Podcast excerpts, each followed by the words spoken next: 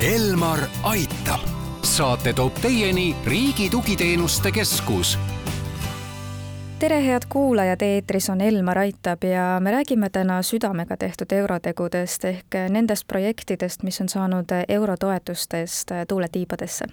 mina olen Ingela Virkus ja koos minuga on stuudios Riigi Tugiteenuste Keskuse kommunikatsioonispetsialist Brit Koppel, tere! tere! südamega tehtud eurotegu, mis projekt või, või mis konkurss see täpsemalt on? Äh, no Riigi Tugiteenuste Keskus on äh, Euroopa Liidu toetuste korraldusasutus ja, ja meie roll on ka siis teha selliseid suuremaid äh, teavituskampaaniaid Euroopa Liidu toetustega saavutatud tegudest ja, ja asjadest, projektidest Eestis. Ja, ja kuna nüüd kakskümmend aastat hakkab juba Euroopa Liiduga liitumisest mööduma, siis on üks selline suurem kampaania, kus me otsime neid absoluutselt parimaid, mis siis inimesed on esitanud meie konkursile. Ja, ja, ja tuleb siis ka rahvahääletus, et valida need kõige-kõige-kõige paremad Euroopa Liidu toetuste abiga on viimasel toetusperioodil kaks tuhat neliteist kuni kaks tuhat kakskümmend ellu viidud üle neljateistkümne tuhande projekti ja te palusite siis, nagu sa mainisid ka, inimestel oma lemmikud üles anda. kandidaate sai esitada kahekümne neljanda septembrini, kui palju eurotegusid siis konkursile laekus? Äh, ettepanekuid saime sada seitsekümmend neli, aga nendest europrojektid siis nii-öelda unikaalsed oli sada nelikümmend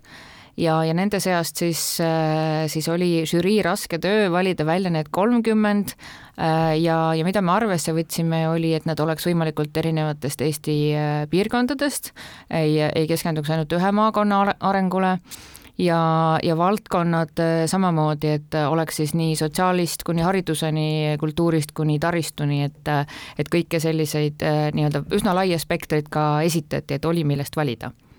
kui saaks üldiselt neid äh, nomineeritud projekte kuidagi kirjeldada, sest et ükshaaval me ei jõua neid kõiki läbi võtta, mis laadi need kõik olid või kas joonistus välja mingi selline muster, äh, mida siis äh, inimesed või noh, muster siis nii-öelda sellest, mis inimestel on korda läinud? Jah, selgelt joonistus küll välja, et kuna nüüd sellel viimasel Euroopa Liidu toetusperioodil on väga palju tegeldud koolihoonetega, ehk siis kõik riigigümnaasiumid, mis on Eestis kerkinud ja, ja ka tervisekeskuste rajamisega,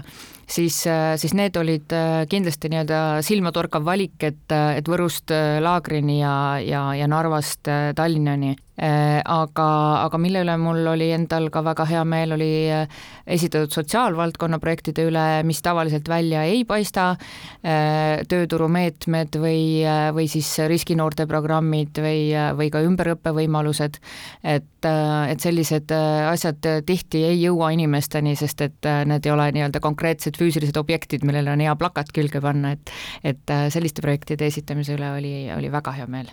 kus nende projektidega lähemalt tutvuda tutvuda saaks?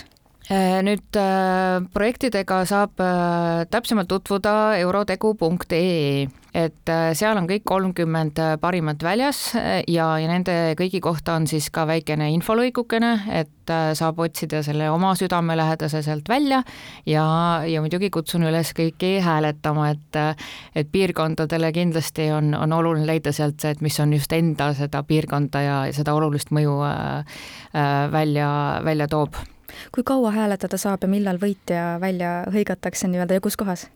Äh, alustasime hääletusperioodiga kuueteistkümnendal oktoobril ja hääletada saab viienda novembrini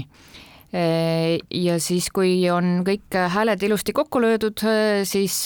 selline tänuüritus, tänugala parimatele toimub siis kahekümne neljandal novembril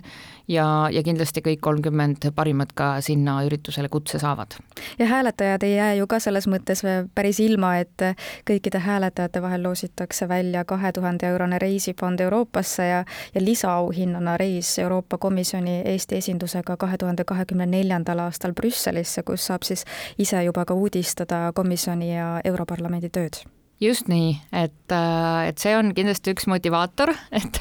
et ikka palun hääletage oma, oma lemmikute poolt ja, ja saab ka hääletaja premeeritud raske töö eest.